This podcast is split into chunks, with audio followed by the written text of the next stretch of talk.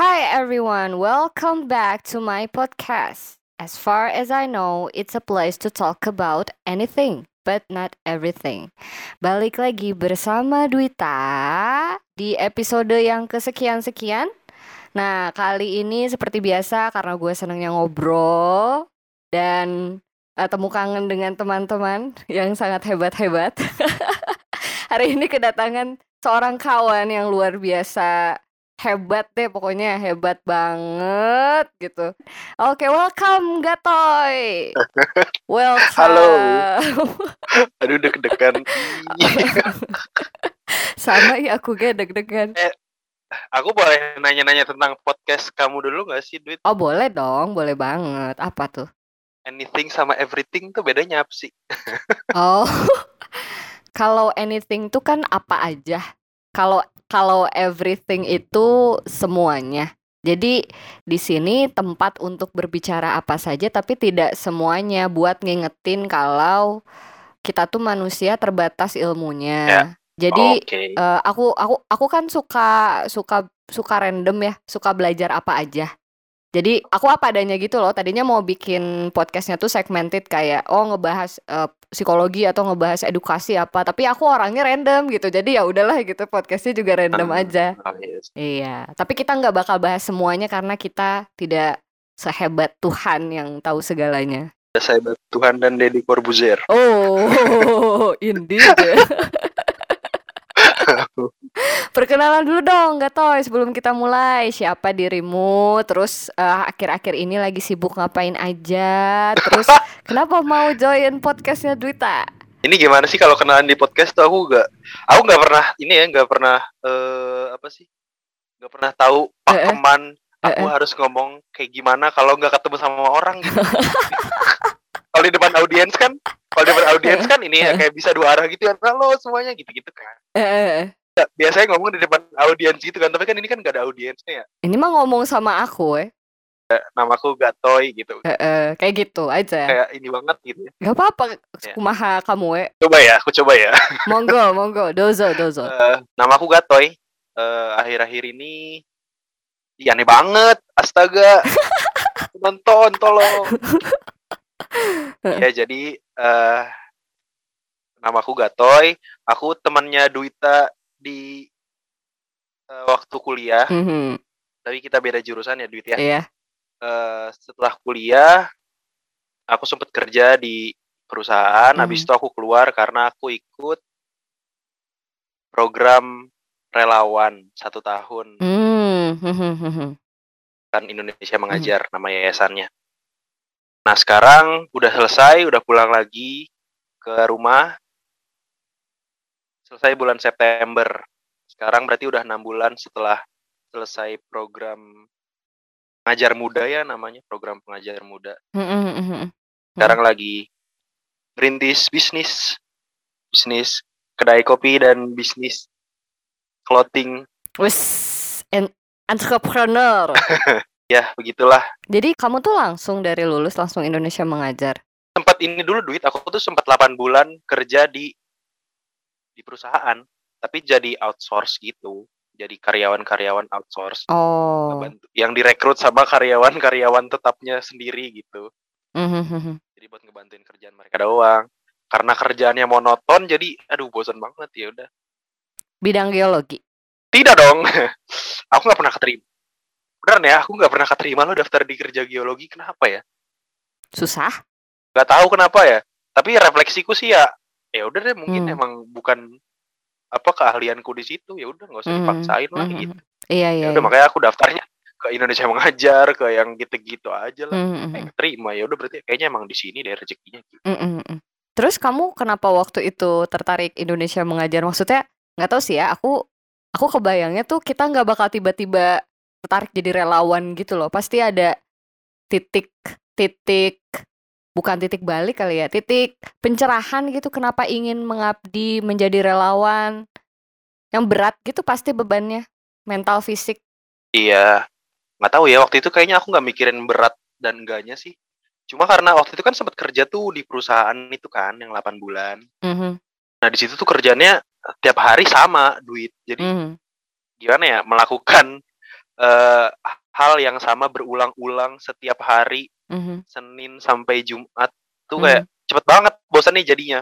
Mhm. Kayak aku baru dua bulan kerja tuh udah ngerasa wah masa kayak gini sampai mati nih mungkin nih mungkin udah, udah kayak gitu tuh dalam, dalam hati udah kayak gitu udah aduh nggak mungkin nih kalau kayak gini sampai mati nih nggak mungkin nih gitu kan terus eh entah aku nggak tahu ya jiwa sosialku tuh ter apa ya eh, terpacunya dari mana gitu Mhm, mungkin mhm. karena ini kali ya karena pas kuliah aku senang ikut organisasi gitu gitu kali ya jadi Mmm. senang banget ngobrol sama orang gitu-gitu deh Mhm, terus akhirnya karena bosan kerja ya udah aku memutuskan untuk eh bikin sesuatu tadinya mau bikin satu kegiatan sosial mhm, tentang pendidikan Mhm, mhm. tapi kenapa aku nggak bikin karena aku ngerasa aku nggak punya ilmunya gitu Mhm, mhm, mhm. aku nggak punya ilmunya nggak pernah ikut eh, sesuatu hal berbau pendidikan selama kuliah gitu-gitu Mhm. dan akhirnya aku ketemu lah sama temenku tuh satu orang Mhm. ada sama Baum berdua waktu itu ketemunya sama Baum bahkan berdua Baum juga waktu itu pengen bikin sesuatu sama aku ayo om kita bikin bikin ini sosial apalah gitu-gitu si Baum Mhm. kan anaknya geologi banget ya aku Iya, kan iya. enggak ya jadi si Baum tuh pengennya yang agak bencana-bencana gitu aku ya Heeh. aku nggak terlalu ke geologi kan maksudnya aku pengen sih jadi Mhm. kayak bercanda-bercanda tapi kan aku nggak paham ya Mhm. jadi ah, kayaknya nggak ke sana deh gitu. akhirnya ya beda jalan lah sama Baum Mhm. terus habis aku nanya-nanya temanku ya udah aku memutuskan untuk belajar dulu belajarnya ya dengan aku ikut eh, komunitas sosial pendidikan gitu sih Mhm, mhm. jadi waktu itu aku sempet bosan kerja itu duit terus aku memutuskan untuk ikut kegiatan atau komunitas sosial untuk refresh kebosananku gitu loh Oh, jadi ya ya seenggaknya ya. setelah pulang kerja aku Mhm. ada yang dikerjain ada yang dipikirin lagi gitu Mhm, jadi mhm. itu itu sangat sangat membantuku untuk maju ke Indonesia mengajar awalnya kayaknya dari situ tuh mulai tertantang Mmm. tertantang tertantangnya lagi mhm. Eh, terus akhirnya kayaknya tiga bulan kerja Indonesia mengajar tuh buka buka pendaftaran tuh mhm. aku deg-degan tuh langsung lihat posternya pas deg-degan tuh ya pas deg-degan tuh aku mikir pernah nggak sih kayak pengen sesuatu yang kamu pengen banget sampai deg-degan gitu pernah nggak sih Iya iya iya iya. Kayak gitu Iya ya. iya. kalau sesuatunya tuh kamu pengen banget biasanya tuh kayak ada gejolak gitu di hati tuh kayak Mhm, aduh mhm, gue pengen banget ini gue pengen banget ini gue pengen banget ini gitu. Nah aku tuh waktu itu ngerasa deg-degan terus aku ya mikirnya berarti ini nih yang aku pengen banget nih gitu. Soalnya aku nggak sedek-degan itu pas daftar kerja di geologi daftar kerja di ini daftar kerja di ini aku nggak nggak sedek-degan itu gitu. Karena aku nggak sedek-degan itu pas aku kerja di eh, pas aku daftar kerja di bidang-bidang kuliahku tuh jadi aku persiapannya tuh nggak nggak 100% gitu karena aku Iya nggak iya se iya. excited itu emang Mhm. tapi pas Indonesia mengajar kan kenapa aku deg-degan ya berarti ya udah aku pengen banget nih ya udah akhirnya aku udah belajar dari dua aku ikut dua komunitas sosial tuh di waktu itu satu Mhm. komunitas yang buat manajemen kegiatannya gitu satunya Mhm. yang jadi relawannya langsung di depan anak-anaknya gitu Mhm. jadi paskan porsinya satu buat Mhm. manajemennya satu buat langsung terjun jadi relawannya banget gitu terus ya udah aku kayak ngerasa ah kayaknya eh, aku bisa nih maju nih Indonesia mengajar nih Mhm. ya udah akhirnya aku daftar lah berawal dari kebosanan terus eh, mal- eh, tumbuh minatnya karena ikut kegiatan sosial karena ikut komunitas sosial Mhm. terus eh ya karena deg-degan sih ya udahlah kayak kayak udah Mhm. cukup dirasa ah nggak usah dipikirin maju aja gitu Iya, cukup dirasa benar-benar setuju akhirnya setuju. daftar. Terus itu kamu akhirnya daftar tuh karena berarti kamu sebenarnya udah ada ketertarikan sama bidang edukasi gitu ya, pendidikan gitu ya dari zaman kuliah? pendidikan tuh enggak enggak kayak zaman kuliah tuh enggak deh Oh. pernah tuh himpunanku tuh Mhm, mhm. ngadain kegiatan yang ke desa-desa tuh aku malas banget ikutnya duit mhm, mhm. oh karena KKN Oh, kayaknya jadi KKN. temenku tuh temanku yang aku ketemu tadi Heeh, berdua heeh. sama Mbak Umi itu Mhm, itu anak komunitas sosial di Bandung mhm, komunitas sosial pendidikan gitu di Bandung mhm.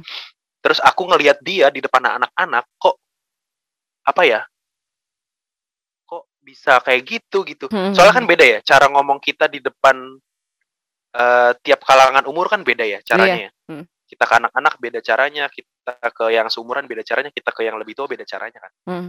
dan ke anak-anak tuh menurutku paling susah gitu Hmm. Hmm. paling susah terus aku ngeliat temenku kok bisa kayak gini ya kenapa nih terus aku perhatiin perhatiin oh ternyata dia ikut komunitas sosial gitu. Hmm, terus dari hmm, situ mulai kayak tertantang aku pengen bisa kayak dia deh kayaknya hmm, gitu hmm, gitu hmm, hmm. kayaknya minatnya timbul mm, mm. Emang sih kadang kalau misalnya kita ibaratnya apa ya, makin luas luas dunia gitu, makin kenal banyak orang, kita kan jadi banyak referensi ya. iya betul Kayak ya mungkin dulu kamu karena diemnya di geologi aja gitu, belum tahu gitu loh kayak di daerah-daerah di daerah bidang lain tuh ada yang lebih menyenangkan gak sih daripada bidang geologi? iya Tapi aku ini sih, em, aku jujur seneng banget sih kalau pas aku, kayaknya aku ser, awal-awal kamu yang ngeposting posting Indonesia mengajar tuh aku juga notice loh, kayak wah gak tau ini kayaknya pindah haluan nih, kayak kayak aku pun merasakan, aku aku merasakan excitednya kamu gitu loh di postingan-postingan kamu, soalnya iya beda, iya sih. beda aku gitu. kenapa ya? Ikut Indonesia mengajar tuh hmm, karena mungkin ini ya karena nggak ada orang yang aku kenal ikut Indonesia mengajar gitu Hmm, hmm. jadi aku ngerasa eh, beda sendiri aja dan kayak ih ya udah nih nggak ada yang kayak gue nih orang gitu jadi makin bukan ngerasa spesial apa gimana ya tapi ngerasa ini aja loh kayak berani mengambil jalan yang beda dari yang lain terus aku kayak bangga aja sama diriku karena aku berani Hmm, hmm, hmm. ambil jalan Mhm. yang beda gitu makanya aku excited banget tuh waktu itu gitu Mhm, mhm. That's good, that's good. Merasa bangga itu bukan sombong kok beda. It's okay. Iya. Iya, it's it's good malah. Maksudnya menurutku itu kayak self compliment aja. Tidak perlu validasi Iya. orang untuk merasa cukup eh, berusaha atau cukup berani gitu. bahkan butuh nggak sih bangga sama diri sendiri tuh Perlu lah. kayak iya kan ya maksudnya untuk eh apa ya untuk kebaikan diri sendiri juga Mhm. bagus lah pokoknya bangga sama diri sendiri itu bukan sombong beda ya bener kata Dwi itu beda Iya. Eh, aku sih sebenarnya belum ngerti cara jelasinnya. Maksudnya kalau ngebawa teori juga aku tidak, aku bukan ahlinya. Cuman ada masanya aku bangga diri tapi ada sombongnya. Ada masanya aku bangga diri tapi nggak ada sombongnya lebih ke kayak oh my god, ih aku bisa loh kayak iya, gitu loh. iya iya iya Ada iya, ada rasa surprise gitu wah ternyata bisa ya. Aku sih kalau lagi berbangga diri bisa sampai bukan bukan berbangga diri as in sombong ya. Saat aku sedang bangga terhadap diriku sendiri biasanya aku bisa sampai nangis gitu loh Gatoy karena kan- karena ada obstacle, ada milestone yang akhirnya aku bisa eh, bisa achieve ya betul yang itu tuh susah banget. Maksudnya orang kan nggak lihat struggle-nya kita ya. Terus akhirnya kita bisa ngelakuin itu tuh wow. Bangga sekali gitu. Mhm. Terus aku ini dong pengen pengen tahu cerita ceritanya di sana kayak gimana. Bebas sih ceritanya kayak gimana aja. Aku beneran pengen tahu banget. pas sudah di sana nih apa Bebas. gimana pas sudah di sana Boleh lagi prosesnya persiapan boleh. ya pas sudah di Konawe aja deh Boleh. jadi tuh Indonesia mengajar tuh kan tugasnya ya satu tahun Mhm, di daerah. Aku kebetulan waktu itu ditempatinnya di Konawe mhm. tempat yang belum pernah aku denger sebelum aku daftar Indonesia mengajar. Bahkan aku tuh baru tahu Konawe kayaknya pas pas di pelatihan deh. Hmm, pas sudah masuk camp pelatihan tuh ya aku baru dengar tuh nama daerah tuh namanya Konawe tuh baru denger. Gitu. Aku jarang kepo Instagram Indonesia mengajar. Jadi mhm, baru kepo tuh pas sudah masuk ke apa sudah mulai daftar tuh baru kepo kepoin tuh mhm. sebelumnya nggak pernah. Nah selama satu tahun tuh tugasku tuh ada dua duit sebenarnya. Ah, nggak dua maksudnya dua dua cakupan wilayah lah. Mhm, kayak di desa sama di kabupaten. Mhm, jadi Konawe itu nama kabupaten. Mhm, ada di de- ada ada di kabu, kota kabupatennya ada di eh, salah satu desanya gitu. Mhm. nah aku tuh bertujuh di Konawe di- ditugasin dari Indonesia mengajar tuh tujuh orang Hmm. tujuh orang di kabupaten tapi punya tugas di desa masing-masing jadi tujuh orang itu punya tanggung jawab tujuh desa yang eh, berbeda satu sama lain Hmm, gitu gitu Nah, tapi intinya tuh gimana ya? Aku pengen jelasin tugasnya tapi nggak pengen pakai bahasa yang ribet tuh gimana ya? Kalau kalau di desa ya, Uh-huh.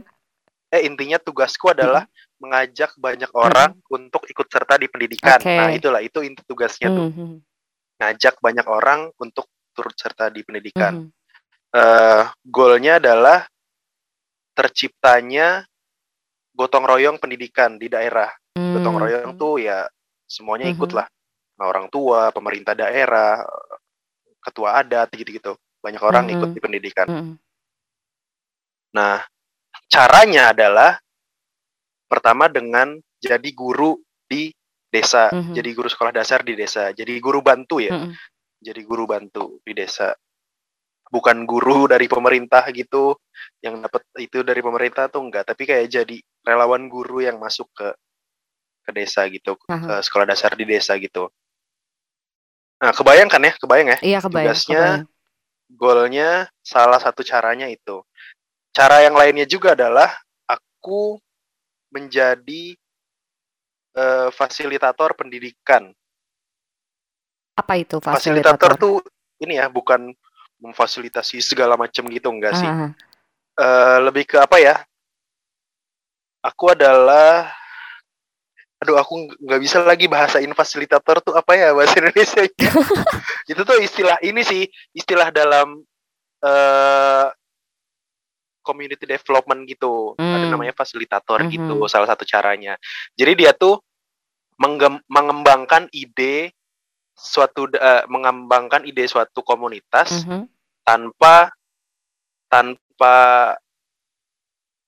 tanpa terjun 100% dari eh, dengan ide itu gitu ngerti nggak jadi kayak aku nggak nggak menyarankan untuk ini untuk itu tapi aku mencoba menggali dari mereka eh, apa yang bisa mereka perbuat untuk daerah mereka gitu loh. Oke, jadi, jadi solusinya tuh bukan ya? dari aku tapi dari mereka sendiri gitu. Mhm, jadi aku cuma ngebantu untuk ngeluarin itu. Mhm, mhm, mhm. kayak aku mungkin ya kayak aku cuma menjabarkan kebutuhan daerah yang aku lihat terus aku tanya ke mereka nanti mereka yang eh, ngomong sendiri solusinya apa. Jadi solusinya benar-benar dari mereka Ah, mereka yang ngejalanin gitu-gitu. Bagus, bagus, bagus. jadi bukan kayak yang bukan kayak yang apa ya eh, kayaknya ini deh eh, solusinya adalah ini deh.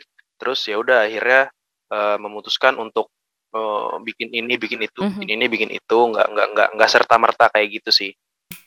Kuncinya adalah mengajak orang tadi sih. Kalaupun aku punya ide ide itu kalau bisa diterjemahkannya dilaksanakannya eh, atau disepakatinya sama komunitas di situ gitu. Tapi Hmm. sebenarnya emang secara yang terjadi di lapangan adalah eh, mereka yang lebih banyak mengasih solusi ke daerah mereka sendiri gitu aku cuma ngebantu ngeluarin itu gitu Iya, iya. karena kan susah ya ngebaca kebutuhan tuh susah ya Iya, iya, betul. aku aja sampai sekarang tuh nggak masih ya kagok gitu untuk Mhm. ngebaca kebutuhan aku tuh apa gitu Mhm, kan mhm, mhm.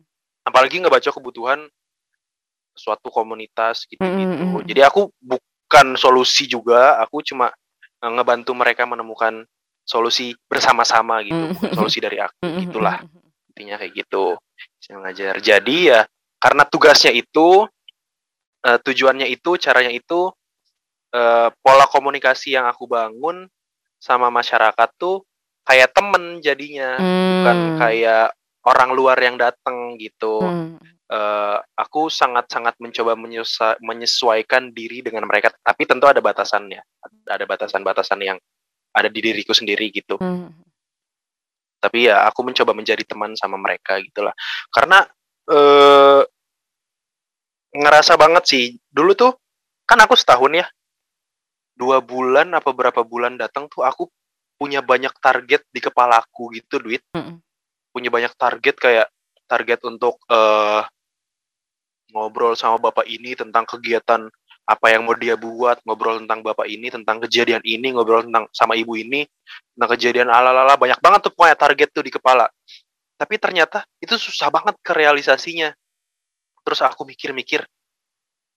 Habis itu refleksiku tuh selalu yang aku tuh belum jadi teman mereka aja belum terus mau ngajak kerjasama ini itu gitu Mm-mm. berharap apa gitu Mm. terus ya udah akhirnya aku memutuskan untuk di beberapa bulan awal tuh jadinya setelah kejadian itu setelah kejadian yang aku ngerasa susah banget untuk uh, nyari intervensi di daerah ya udah aku kira memutuskan untuk ya udah jadi teman dulu aja deh Mhm. ngobrol aja dulu santai ini Mhm, itu.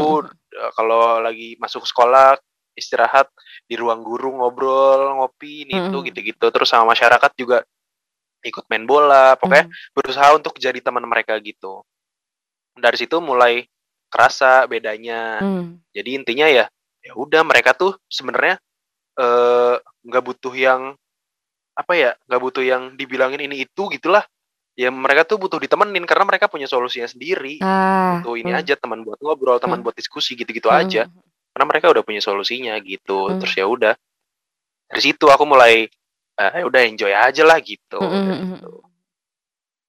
itu sih kurang lebih kayak gitulah di tentang. Indonesia mengajar gitu.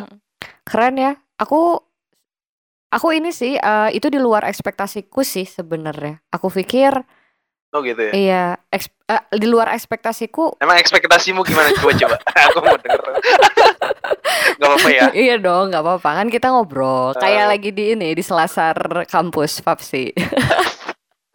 Atau di kantin Pakilun sambil makan nasi eh, nasi bakar. Aduh, kangen banget ya kampus. Kangen aku nggak ada lagi lontong lontong apa lontong apa apa sih namanya tahu lontong tahu eh apa sih kupat tahu Oh iya. kupat tahu cuma iya. tujuh ribu nggak ada lagi duit Iya, Gara-gara pandemi juga sih, coy. tujuh ribu eh gimana gimana Oh, iya, jadi heeh. ekspektasi kamu Ekspektasiku. tahu dong Aku sih maksudnya eh, yang ideal ya, maksudnya ideal kita kalau ngebantu orang kan berarti ini konteksnya kamu sebagai relawan ngebantu daerah ya. Yang ideal kan emang kalau kita Iya. ngebantu tuh bukan solusinya dari diri kita. Ideal ya. Ideal tuh, ideal. Tapi Mhm, gimana? tapi aku eh, beberapa kali ngedengar cerita tentang relawan itu kadang ya Mhm. solusinya solusi asing jadi solusinya dari kita sebagai Oh, iya. orang luar terus intervensi yang akhirnya itu jadi nggak sustainable karena ya solusinya nggak bisa dilakukan oleh orang desanya toh nggak visible untuk mereka Iya. lakukan karena ibaratnya or- orang yang ngasih solusinya orang kota dengan sudut pandang kota terus eh, ilmu-ilmunya juga ilmu-ilmu yang nggak sebenarnya nggak lebih nggak lebih berilmu cuman lebih kompleks gitu maksudnya kita kan udah udah kecampur-campur sama teori globalisasinya lebih tinggi Ya.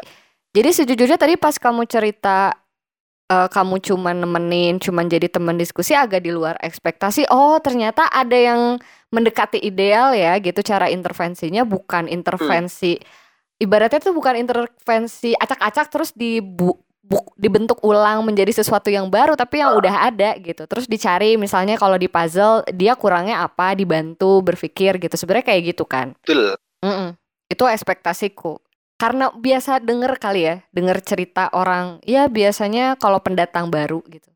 Kayak gitu gitu. Maksudnya Iya, iya. walaupun tujuannya ngebantu tapi ngebantunya malah ngerubah Mhm. budaya yang udah ada. Padahal kan nggak nggak salah. Betul. Aku bahkan ya itu yang tadi dua bulan sebulan awal tuh Mhm. aku karena habis pelatihan kali ya jadi kayak Mhm. bekal ilmu baru tuh banyak di kepala aku datang ke daerah tentang eh, ini nih harusnya kayak gini gini gini gini gini nih Mhm. tapi pas datang ke sana tuh enggak enggak mereka nggak butuh itu mereka butuh yang ada di sekitar mereka tuh Mhm. itu yang mereka butuh tuh Mhm. yang di kepala aku nanti dulu deh Mhm. baca dulu kebutuhan mereka oh ini yang mereka butuhin Mhm. bukan ini Mhm. bukan kepalaku Mhm. ya udah dari situ mulai ya udah hebat bener yang kata Dita gitu solusinya ya nggak bisa nggak bisa pakai pola pikir sendiri Mhm, gitu mhm. kayak ini deh contoh kecilnya tuh apa ya ketika ada anak yang misalnya nggak sekolah terus ternyata pas ditanya dia bantuin bapaknya ke kebun Mhm. buat metik eh, merica karena kan di sana eh, komoditinya merica Mhm. buat metik merica buat bantuin bapaknya ngepupuk misalnya Mhm, atau mhm, apa pun ke mhm. kebun terus nggak sekolah Mhm. eh aku ini loh ngerasa aku nggak berhak marah sama anak itu kalau anak itu nggak berangkat ke sekolah karena dia ke kebun itu adalah sekolah yang paling dia butuhkan Hmm. gitu sekolah yang paling kontekstual buat dia Hmm. itu pelajaran yang yang mungkin akan bikin dia survive untuk hidup tuh adalah pelajaran itu daripada mereka belajar tentang uh, apa bahasa Inggris mm -hmm. atau apa ya itu penting tapi untuk bertahan hidup ya mm -hmm. yang ke kebun itu menurutku lebih penting jadi aku nggak berhak untuk marah mm -hmm. kayak gitu pola pikir pola pikir kayak gitu tuh yang aku mulai kesadar pas aku di sana gitu bahkan aku sebenarnya sama Indonesia mengajar tuh nggak dikasih ini loh duit nggak dikasih program apa-apa gitu nah gimana maksudnya kayak kayak ini kayak uh, nggak dikasih tuntutan kamu harus bikin ini, bikin ini, bikin ini, bikin ini enggak. Hmm. Jadi itu benar-benar dilepas tanpa uh, tanpa ada kalau dulu kan inilah kalau dulu kan KKN tuh ini ya suruh bikin program gitu uh, kan ya. Uh, uh, uh, uh. Ya kan ya terus ajuin proposal yeah, gitu kan. Uh, uh. Ini mah enggak, ini mah enggak.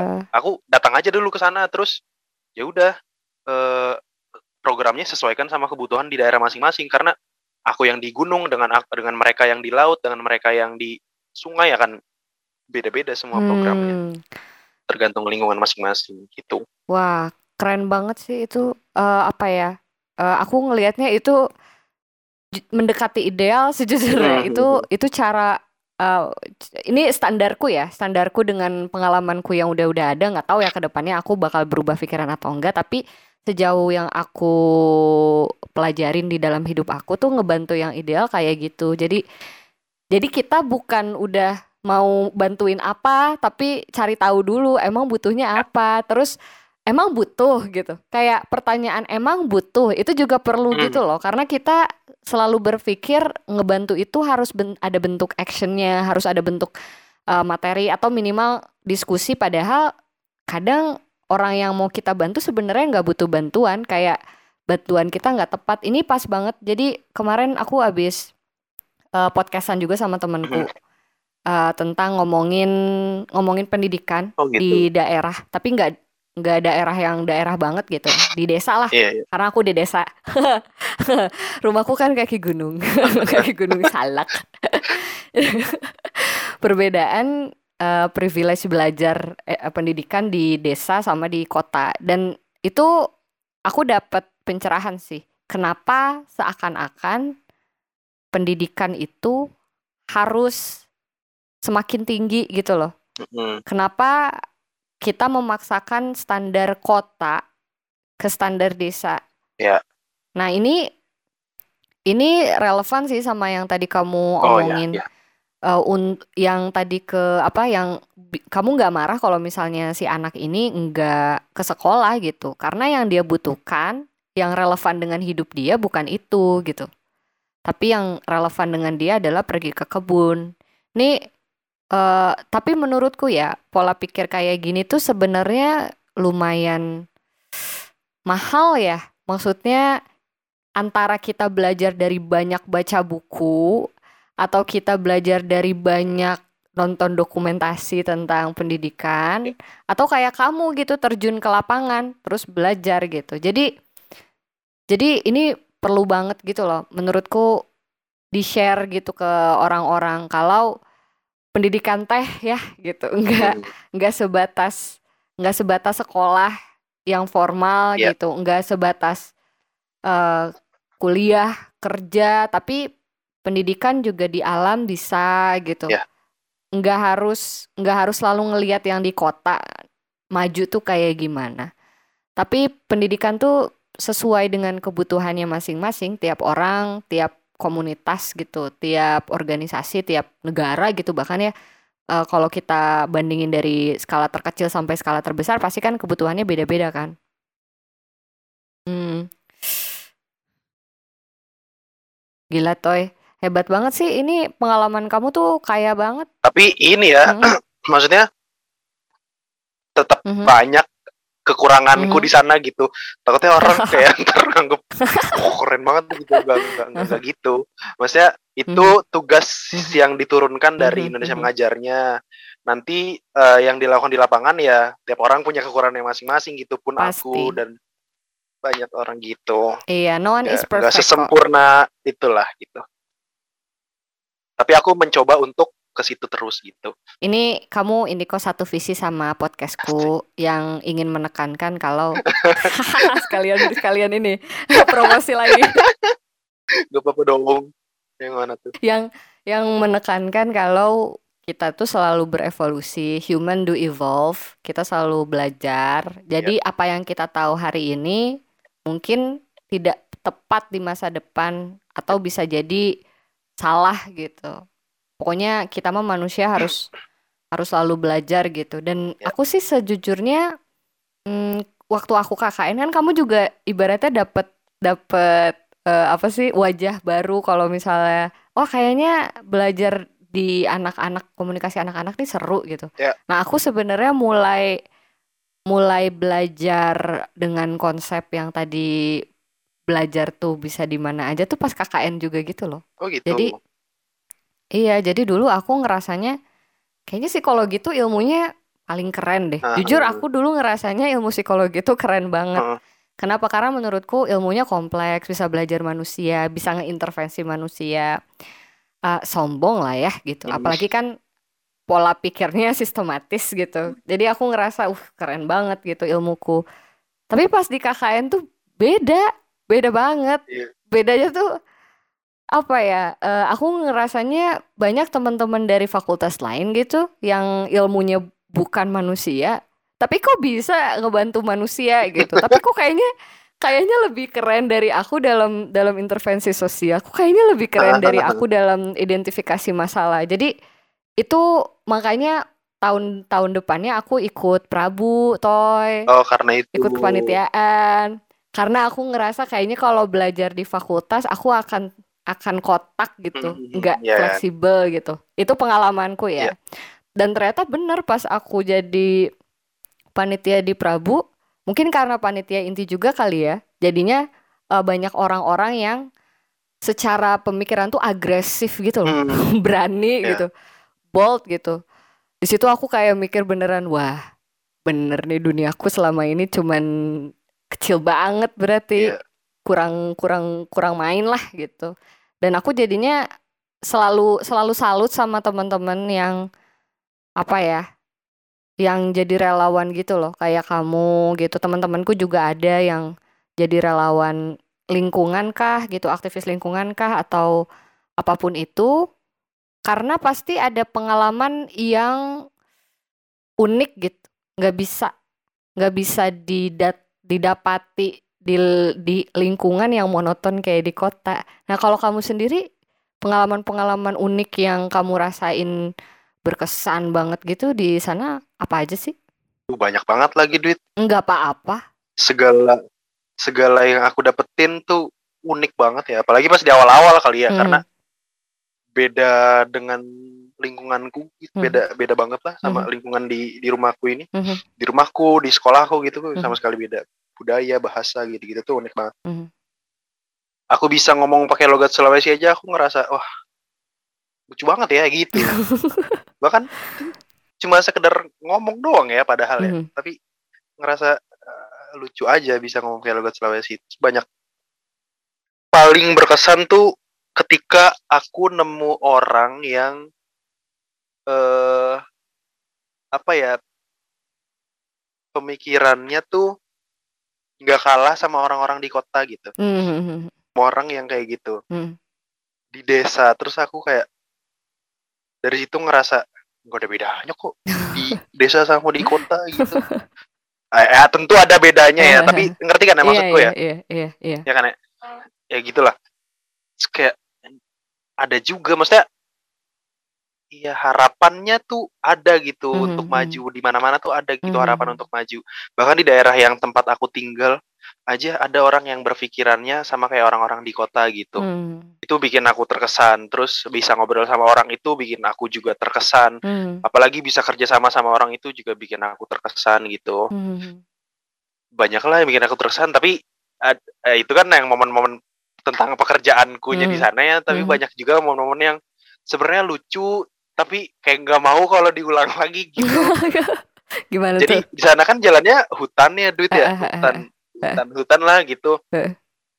Eh, aku sama desa terdekat temanku tuh sebenarnya jaraknya eh, berapa ya? 20 kilo deh kalau nggak salah. Desa Mhm. terdekat ya. Mhm, Desa mhm, terdekat ada temanku di situ tuh 20 kilo. mhm. 20 kilo tuh nggak tahu jauh apa nggak tahu dekat gimana aku kategori ini nggak tahu. Tapi jaraknya 20 kilo jalur hutan lah kayak gitu. Mhm. naik motor tuh sekitar dua jam tiga jam jalan hutan gitulah Mhm. eh aku tuh karena saking capeknya ya itu tuh sampai sering halusinasi kalau naik motor gitu kayak ngeliat bambu kayak ngeliat ular gitu. Serius? kenapa ya? Nggak tahu sumpah karena capek banget gitu loh. Jadi itu tuh jalannya tuh tanah tapi udah ditimbun batu-batu gitu karena di sana ada Heeh. perusahaan tambang kan jadi Ah. CSR-nya mereka tuh Mm-mm. itu nimbun nimbun nimbun batu gitu eh, eh. si batu ini kan manturin cahaya ya kalau siang ya Eh, eh. jadi mata tuh kayak capek banget silo gitu karena kepantul dari batu-batu eh, gitu terus atas matahari panas gitu Eh, eh. motor juga kopling yang gak ada rem depan rem belakangnya juga ya, ya gitulah tau lah ya motor-motor motor desa lah kayak gitu. Tapi kan ya daripada nggak ada lagi masa Oh. berharap dapat KLX kan nggak mungkin kan. Ya aku juga eh, bersyukur aja ada ada ada orang yang mau minjemin motor gitu. Mhm. itu sering banget aku ngeliat bambu kayak ngeliat ular. Mhm. malah bambu loh aku pernah hampir pernah hampir masuk jurang karena ngeliat bambu apa coba? Nggak penting banget kan?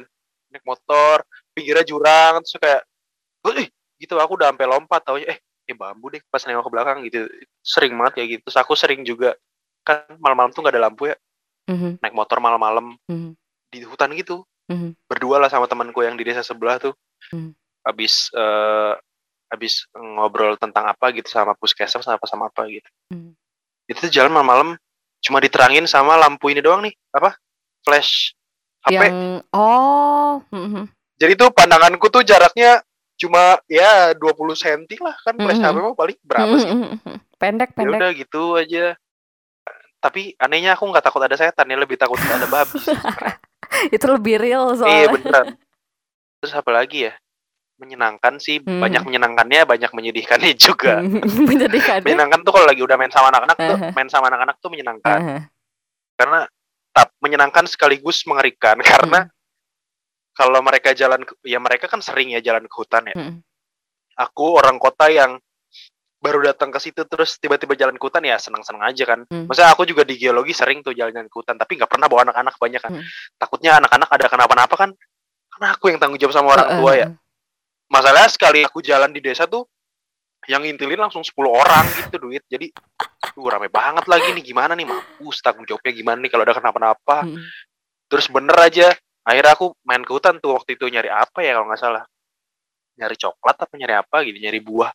Main ke hutan masuk dalam gitu. Ada goa akhirnya nemu satu goa. Kan goa tuh gitu ya batunya tajam-tajam ya. Mhm. terus ada satu anak kayaknya kejedot batu goa terus berdarah kepalanya gitu. Juga aduh mampus. Gimana nih tanggung jawab sama bapaknya nih? Gimana nih? Gitu-gitu kan. Mhm. udah dari situ aku mulai kayak agak protektif sih setelah itu kayak udah udah kita mau ke mana nih? Eh eh, ke sana pak guru? Oh ya udah udah. Oke tapi hati-hati ya. Pokoknya protektif banget lah. Setiap jalan nengok ke belakang setiap jalan nengok ke belakang gitu-gitu. Mhm. tapi seru banget sih. Ya seru kalau lagi seru sedih kalau lagi sedih ya gitulah.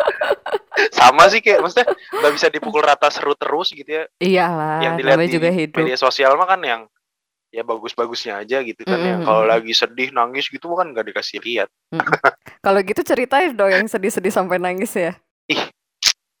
kayaknya sering deh aku nangis di desa tuh Oh iya, emang kenapa ada apa karena yang kan terjadi? sendiri ya Oh, mhm. kan sendiri ya Mm-mm. maksudnya gimana sih sendiri terus datang ke daerah yang bahasa budaya sama sekali beda gitu Mm-mm. sama tempat kamu tinggal selama kamu hidup Mm. Jadi kalau punya keluh kesah pengen cerita tuh kan nggak bisa ya? Mhm. pengen cerita aku apalagi awal-awal datang pengen cerita ke orang rumah. Eh kebet eh, ini aku ceritain dulu ya. Mm-mm. sebelumnya aku tuh tinggal di masyarakat di rumah masyarakat. Jadi aku numpang di rumah masyarakat itu Mm-mm. selama satu tahun Hmm, numpang. Mhm. numpang tanpa bayar sewa tanpa bay- baik banget kan ya? Jadi ya bener numpang Ma- aja makan, gitu nar makan, naruh makan tas juga geletak dikasih. iya makan dikasih. Ah, Maksudnya mereka kan beras ada dari sawah gitu mhm. sayur ya adalah dari hutan kalau nggak ada ya Indomie masih ada di warung-warung kecil Mhm. gitu ya pokoknya kalau eh, bisa makan mah bisa lah gitu Mhm. Eh, jadi yang sedihnya tuh gitu kalau misalnya aku lagi punya apa ya keluh kesah gitu atau Mhm. lagi kesel sama orang Mhm. namanya kan juga gitu ya kalau tektokannya sama manusia mah Iya, nggak akan mulus terus kan betul. Akan ada aja tuh beda beda beda beda pola pikir lah, Mhm. beda beda cara ngerespon terhadap satu isu lah gitu-gitu kan kadang bikin jengkel ya. Mhm. Itu tuh menenangkan dirinya sampai sampai nangis gitu udah Mhm. nggak apa-apa, udah nggak apa-apa gitu-gitu. Mhm. Pengen cerita ke orang rumah nggak bisa, Mhm. apalagi awal-awal aku ngomong bahasa Indonesia merekanya agak-agak nggak ngerti gitu karena Mhm. Ya beda gitu susunan kata bahasa Indonesia di Sulawesi sama di Jawa tuh agak beda Ah. konsonan katanya Mhm. susunan kalimatnya apa sih bahasanya ya itulah ya agak-agak agak agak ada yang kebalik-balik gitulah Iya iya. bahkan mereka tuh sampai tahu kalau orang yang ngomong sama mereka tuh bukan orang Sulawesi kalau bahasa Indonesianya bagus gitu I Ngerti see, ngerti ngerti. jadi kalau ngerti. mereka habis ketemu orang nih dari Mhm, pasar mhm. dari puskesmas Mhm. gitu misalnya nggak dari pasar sih nggak ada pasar di sana dari puskesmas misalnya nih Mhm. eh terus pulang-pulang ke rumah terus mamaku tuh ngomong ke aku pak guru tadi saya ketemu orang Jawa deh kayaknya di puskesmas gitu lah oh iya mak kok tahu orang Jawa Eh. iya soalnya bahasa Indonesia bagus nah kayak gitu Iya iya iya. mereka tahu dia bukan orang Sulawesi itu dari gitu dari Kebayang sih, kebayang sih. bagus Heeh. iya kan jadi makanya pas aku punya masalah dan aku nggak bisa cerita tuh aku bingung banget mau cerita ke siapa duit sinyal nggak ada Mhm. sama orang rumah juga nggak bisa cerita apa-apa gitu Mhm. mau bercanda juga nggak tahu bahasa mereka Mhm, gitu-gitu ya udah akhirnya nangis aja sendiri kan nangis tuh kan enak ya Iya iya. gitu habis nangisnya ya udah aku nangis aja Itu sampai kapan? Sampai berapa lama kamu kayak stres dengan adaptasi itu? Kan itu jatuhnya adaptasi ya? Eh, karena di sana tuh full adaptasi jadi kayak adaptasi tuh nggak selesai dalam bulan-bulan awal sih selalu ada adaptasi gitu Oh. cuma adaptasi dengan bahasa ya memang bulan-bulan awal dengan budaya bulan-bulan awal tapi adaptasi dengan cara kerja kan ada lagi ntar abis itu adaptasi dengan ketemu orang baru lagi Mhm, beda mhm. lagi gitu-gitu kan Mhm. nah selalu ada aja sih momentum-momentum yang bikin aku kayak duh pengen nangis nih gitu kadang sampai kayak Hmm. butuh kayak aduh pengen nangis deh kayaknya gitu biar lega aja Mhm. karena aku di awal di pelatihan juga sempat diajarin ini sih meditasi jadi Mhm. ya lumayan membantu lah sangat membantu sih meditasi itu gitu Iya iya iya. Aku pikir aku pikir satu daerah ada berapa orang gitu. Ternyata kamu beneran sendiri aja gitu. tujuh orang sebenarnya kan itu tadi kan yang di awal tuh yang tugasnya kan di kabupaten sama di desa kan Ah, kalau di ah, desa ya masing-masing ah. di kabupaten tuh baru bertujuh tuh Oh. tanggung jawab bertujuh Hmm. tapi bertujuh tuh nggak plek-plek bertujuh kayak misalnya kan desa tuh kan kegiatannya masing-masing desa tuh kan akan beda ya Mm-mm. Strategi per orang untuk intervensi ke desanya tuh akan beda-beda lagi Hmm. jadi akan butuh waktu yang berbeda-beda tiap orang gitu kan Mhm, mhm. jadi pun kalau ntar ada kerjaan di kabupaten itu tuh biasanya janjian siapa yang bisa ke kabupaten tanggal segini Mhm. empat orang misalnya ya udah empat orang itu yang ngerjain tugas eh, in- eh, tugas kami di Konawe di kabupaten empat orang aja tiga orangnya misal di desa ya udah kita kompromi sama itu ya nggak apa-apa tapi kan ada satu momen yang eh, kayaknya kita harus bertujuh deh di sini ya udah bertujuh tuh janjian tanggal berapa Oh, iya, turun iya. Iya, iya. turun Oh. oh iya bahasanya tuh naik turun naik turun kalau naik tuh berarti ke desa karena kan agak naik Pos- naik gunung gitu posisinya ya, beneran desa. posisinya literally naik Iya, gitu ya. secara Eh, geografis kan naik gitu ya. eh, eh. Kalau turun tuh eh, ya udah itu tuh berarti kabupaten. Jadi kalau nanya sama anak-anak tuh, kamu kapan mau turun? Nah, itu berarti tuh kamu kapan mau ke kota gitu lah. inner ini ya bahasa da- orang dalam. iya. Today. Hmm, aku sedang memproses informasi banyak banget. Iya, duit. Soalnya banyak banget sih, sumpah. Aku sejujurnya hal-hal yang kayak gini tuh cuman pas KKN doang, belum pernah lagi. eh Kayak gini tuh ke daerah maksudnya apa gimana? iya ke daerah, Hmm. iya benar ke daerah. Mm-mm.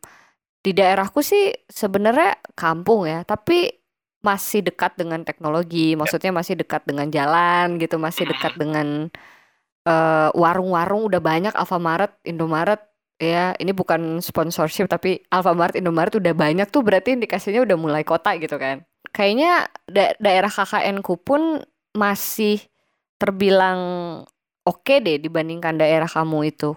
Kalau ngedenger sega ada sega ada sinyal. Kamu kakeknya di mana sih, daerah mana sih? Aku tuh di Majalengka, tapi emang udah udah agak dalam gitu Majalengkanya. Lupa, Oh. lupa daerahnya, tapi udah agak dalam KKN. Hahaha. Panas banget, cuy. Parah, parah panas Iya, banget. Kan anak geologi kalau kuliah lapangan Majalengka. Iya. Jadi tahu lah aku lumayan sedikit-sedikit tentang Majalengka. Dulu Bayang kebayang dulu anak panasnya. FTG ada yang motornya eh, sampai rusak gitu loh gara-gara dipaksain terus naik naik naik naik kecapean motornya. Siapa ya dulu ya lupa eh ada deh yang kayak gitu sampai harus ah pokoknya kalau ngedenger cerita anak FTG lumayan ini ya lapangannya. Hmm, nah itu juga lumayan terbantu sih. Karena geologi sering ke lapangan. Oh iya. Iya. Ngebantunya gimana? Iya, ngebentuk mental untuk ketemu orang baru di daerah tuh ya lumayan lah. Oh, berarti ada manfaatnya juga ya. Iya. Maksudnya walaupun dari geologi tiba-tiba kamu ke sosial ada Iya. kontribusi Ada ada ada, ada banget. dari apa yang kamu pelajarin di kampus. Ada Mm, banget sih. Emang berarti mungkin jalannya gitu kali, Toy. Eh, Iya. kamu belajar di geologi bukan bukan buat batu-batunya, tapi buat membentuk mentalnya gitu kan. Terus adaptasinya. Iya, Jadi nanti selanjutnya kalau misalnya oh iya, ada plan untuk ikut-ikut jadi relawan lagi kah atau bikin project project sosial kayak gitu? Kayaknya sih aku pengen pengen lebih pengen ke proyek sosial dulu sih. Hmm. Kalau untuk jadi relawan eh kayaknya belum belum lagi sekarang. Tapi tetap pengen bikin sesuatu yang ada manfaatnya buat buat sosial gitu, buat Hmm, masyarakat. hmm, Nggak nggak tok buat aku doang, pengen Mm-mm, buat sesuatu. Pengen bikin proyek sosial. hmm, hmm. Tapi pengen dikaitin sama bisnisku juga gitu. Jadi emang lagi ngerancang-rancang nih sekarang gitu.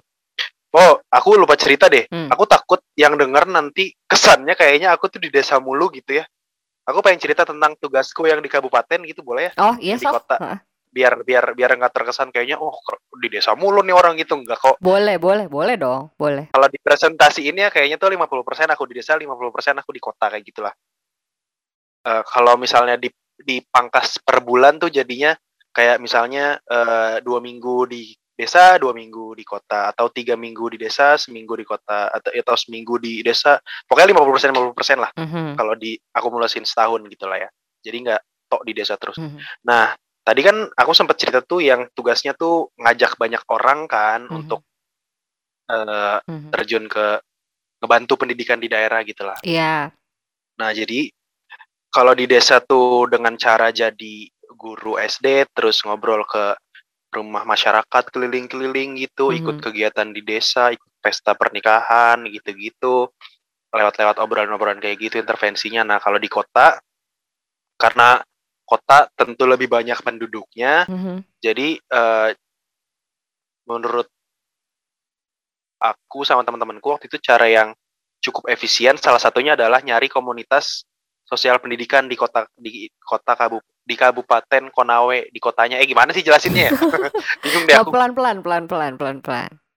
jadi tugas eh, jadi eh, strategi yang waktu itu kamu pakai Mhm, eh cari komunitas sosial pendidikan yang ada di kota kabupatennya. Mhm, karena kan kalau di desa tuh nggak ada sosial komunitas pendidikan kan. Mhm. maksudnya eh, nggak ada lah adanya perorangan. Jadi aku pun memetakan orang mana yang bisa aku ajak kerjasama itu nama gitu langsung nama. Mhm, kalau di kota tuh aku bisa memetakan eh, komunitasnya namanya apa baru orang-orangnya siapa gitulah. Mhm, gitu. Jadi aku ngajaknya gitu lewat komunitas. Jadi waktu di kota tuh ya aku cari komunitas eh sosial pendidikan di kota Konawe sebanyak-banyaknya nih kayak mhm. gimana ya cara kita cari eh, komunitas di Konawe? Gitu. Waktu itu sama anak-anak gitu obrolannya. Udah cari aja di Instagram ketik Konawe. Mhm. ya udah tuh yang keluar kayak ada bau-bau pendidikannya eh at at at at at at at DM-in satu-satu aja ketemu akhirnya ketemulah beberapa komunitas baru yang sebenarnya udah bekerja cukup lama cuma emang baru ketemu sama Indonesia mengajar pas dicari-cari lagi gitu Ah. Sebenarnya yang- mhm. kan Indonesia mengajar tuh ada satu daerah tuh jatahnya lima tahun kan Mhm, mhm, jadi aku tuh orang yang ada di tahun keempat di Konawe mhm. Nah, dari tahun 1 sampai tahun ketiga tuh sebenarnya udah banyak juga komunitas pendidikan yang eh, ikut kerjasama sama Indonesia Mengajar. Tapi pas tahun aku, ternyata oh masih ada lagi kok komunitas pendidikan Mhm yang mhm. bisa diajak kerjasama jadi Mhm. dicari lagi dicari lagi gitu Mhm pas mhm. udah ketemu komunitas itu ya udah kayak tadi lagi jadi eh, fasilitator gitu Mhm mhm. coba nyari ide mereka apa gitu-gitu ngembangin mhm ide mereka gitu Mhm. Si komunitas ini dari luar juga atau dari situ udah ada? dari situ udah ada Oh, dari orang sananya berarti? ya komunitas dari orang sananya gitu Ah, I jadi orang see. sana yang emang care sama pendidikan tertarik juga Mhm. sama isu-isu pendidikan gitu-gitu mhm. Keren. Hmm. apa pun ya bahkan ada anak pang yang kerjasama sama aku gitu Mhm anak mhm pang mhm. masa anak pang aja yang eh, dipandangnya gimana gitu ya Mhm. tapi ketika berteman mah ya sama-sama aja gitu pemikiran tentang pendidikan sama-sama mhm. butuh Mhm gitu gitulah. Pokoknya aku ajak sebanyak-banyaknya orang waktu itu Mhm. akhirnya dapat beberapa komunitas pendidikan dan eh, mikirnya sih ya mengkolaborasikan mereka aja gitu supaya Mhm mereka mhm. eh, jadi satu atau kerjasama bareng-bareng untuk Konawe gitu deh. Ya itulah intinya ntar turunannya banyak lagi sebenarnya program-program mereka sendiri gitu. Oh, tapi intinya itulah iya iya. menyatukan mereka terserah mereka mau kolaborasi apa enggak tapi akhirnya mereka memutuskan untuk mereka pengen kolaborasi. Hmm. dan kolaborasinya nggak antar komunitas juga mereka memutuskan untuk kolaborasi juga sama pemerintah daerah gitu Hmm, hmm, hmm, hmm, hmm. Kebayang, ya kebayang. itulah Iya. Karena sebenarnya ini kan, eh, kalau komunitas tuh masing-masing punya eh, target, target, maksudnya target tuh audiensnya, Ya. audiensnya siapa gitu. iya iya iya Jadi kalau makin banyak komunitas yang ikut serta, pasti kan makin banyak tuh range orangnya tuh yang beda-beda Ya. yang bisa bisa kekejar. Itu bagus banget gitu. Apalagi kalau pemerintah daerahnya juga mau ikutan karena mau gak mau ya ketika aku sih aku sih menilainya kalau pemerintah udah mau dukung Mhm. itu entah kenapa eh, ada akan ada kemajuan yang signifikan gitu loh. Entah dari sesederhana sosialisasi ya, sesederhana sosialisasi, iya bener-bener seseder iya kayak gitu. Enggak enggak maksudnya enggak harus muluk-muluk misalnya ngomongin dana yang gitu-gitu enggak, tapi Mhm. sederhana sosialisasi terus ada terpusat gitu. Jadi jelas oh ini kita kalau ke sini tinggal ngehubungin ini. Jadi ada koordinat koordinasinya tuh lebih enak gitu. Kalau menurutku kayak gitu. I- itu yang terjadi di sana kayak gitu juga. iya bener kok bener bener bener bener bener bener bener banget tuh Oh. jadi hmm. pas mereka udah kayak memutuskan untuk kolaborasi terus ngajak pemerintah juga Mhm, pemerintah juga setuju untuk Mhm. kolaborasi sama komunitas-komunitas pendidikan mhm, itu tuh pas kegiatan yang terlaksana kebetulan aku udah pulang cuma mhm, pas memang persiapan tuh aku sering eh, sering komunikasi sama pemerintah sama komunitasnya juga emang mhm. si pemerintah tuh eh, kontribusinya di ya itu bukan yang eh, dana gitu-gitu nggak nggak nggak tahu sih itu mah urusan komunitasnya aja gitu ya Hmm. sama pemerintah gitu tapi lebih ke pemerintah nih ngebantu mereka untuk sosialisasiin apa yang pengen mereka buat Mhm, ke masyarakat sekitar gitu mhm, mhm. karena ya mereka kan punya power terhadap masyarakat gitu ya ya, ya. people in power ya jadi mereka kayak punya kenalan banyak gitu network sama lurah ini sama lurah ini Mhm, kayak pas komunitas apa saya bikin kegiatan ini daerahnya di sini nih oh yaudah nanti saya coba bantuin ngomong sama lurahnya terus lurahnya akhirnya saya bantuin ntar ngomong sama RT-nya jadi ya kayak gitulah Mhm. bener yang kayak Duita bilang bener-bener Iya iya, kebayang. Eh, alur alur kerjanya jadi lebih Ya. kompleks. Komple- semakin kompleks berarti semakin bagus. Maksudnya bukan ngeribetin, tapi jadinya eh, bisa terbentuk jaring-jaring sosial, jaring-jaring sosial. memperjelas lah ya memperjelas alurnya ya Iya, heeh, memper, memperjelas alurnya. Kita kan kadang kalau nggak ada arahan suka bingung ya harus ngapain, Benar. harus ke siapa, terus informasi yang dibawa tuh harus apa. Jadi kalau ada jalur kerjanya itu mempermudah aja sih. Kalau urusan misalnya jalur kerjanya kepanjangan itu mah bisa diperbaiki lah. Maksudnya kan ada evaluasi gitu-gitu. Oh ini ternyata nggak efisien gitu, bisa diperbaiki gitu-gitu. Wah keren ya. Aku aku seneng senang banget eh, ngebahas pendidikan tuh. Eh, kemarin juga ngebahas pendidikan juga, Gatoy. Oh, iya iya, cuman belum aku belum dengerin tau di, belum dipublish emang. Aku baru publish baru publish trailer sama episode 1. Cuman aku kayak numpukin recordnya aja sebanyak-banyaknya. Supaya bisa konsisten gitu. Tiap minggu upload tiap minggu upload. Mantap gak hati-hati jadi malah males. Ludit udah makin numpuk. Oh iya juga ya.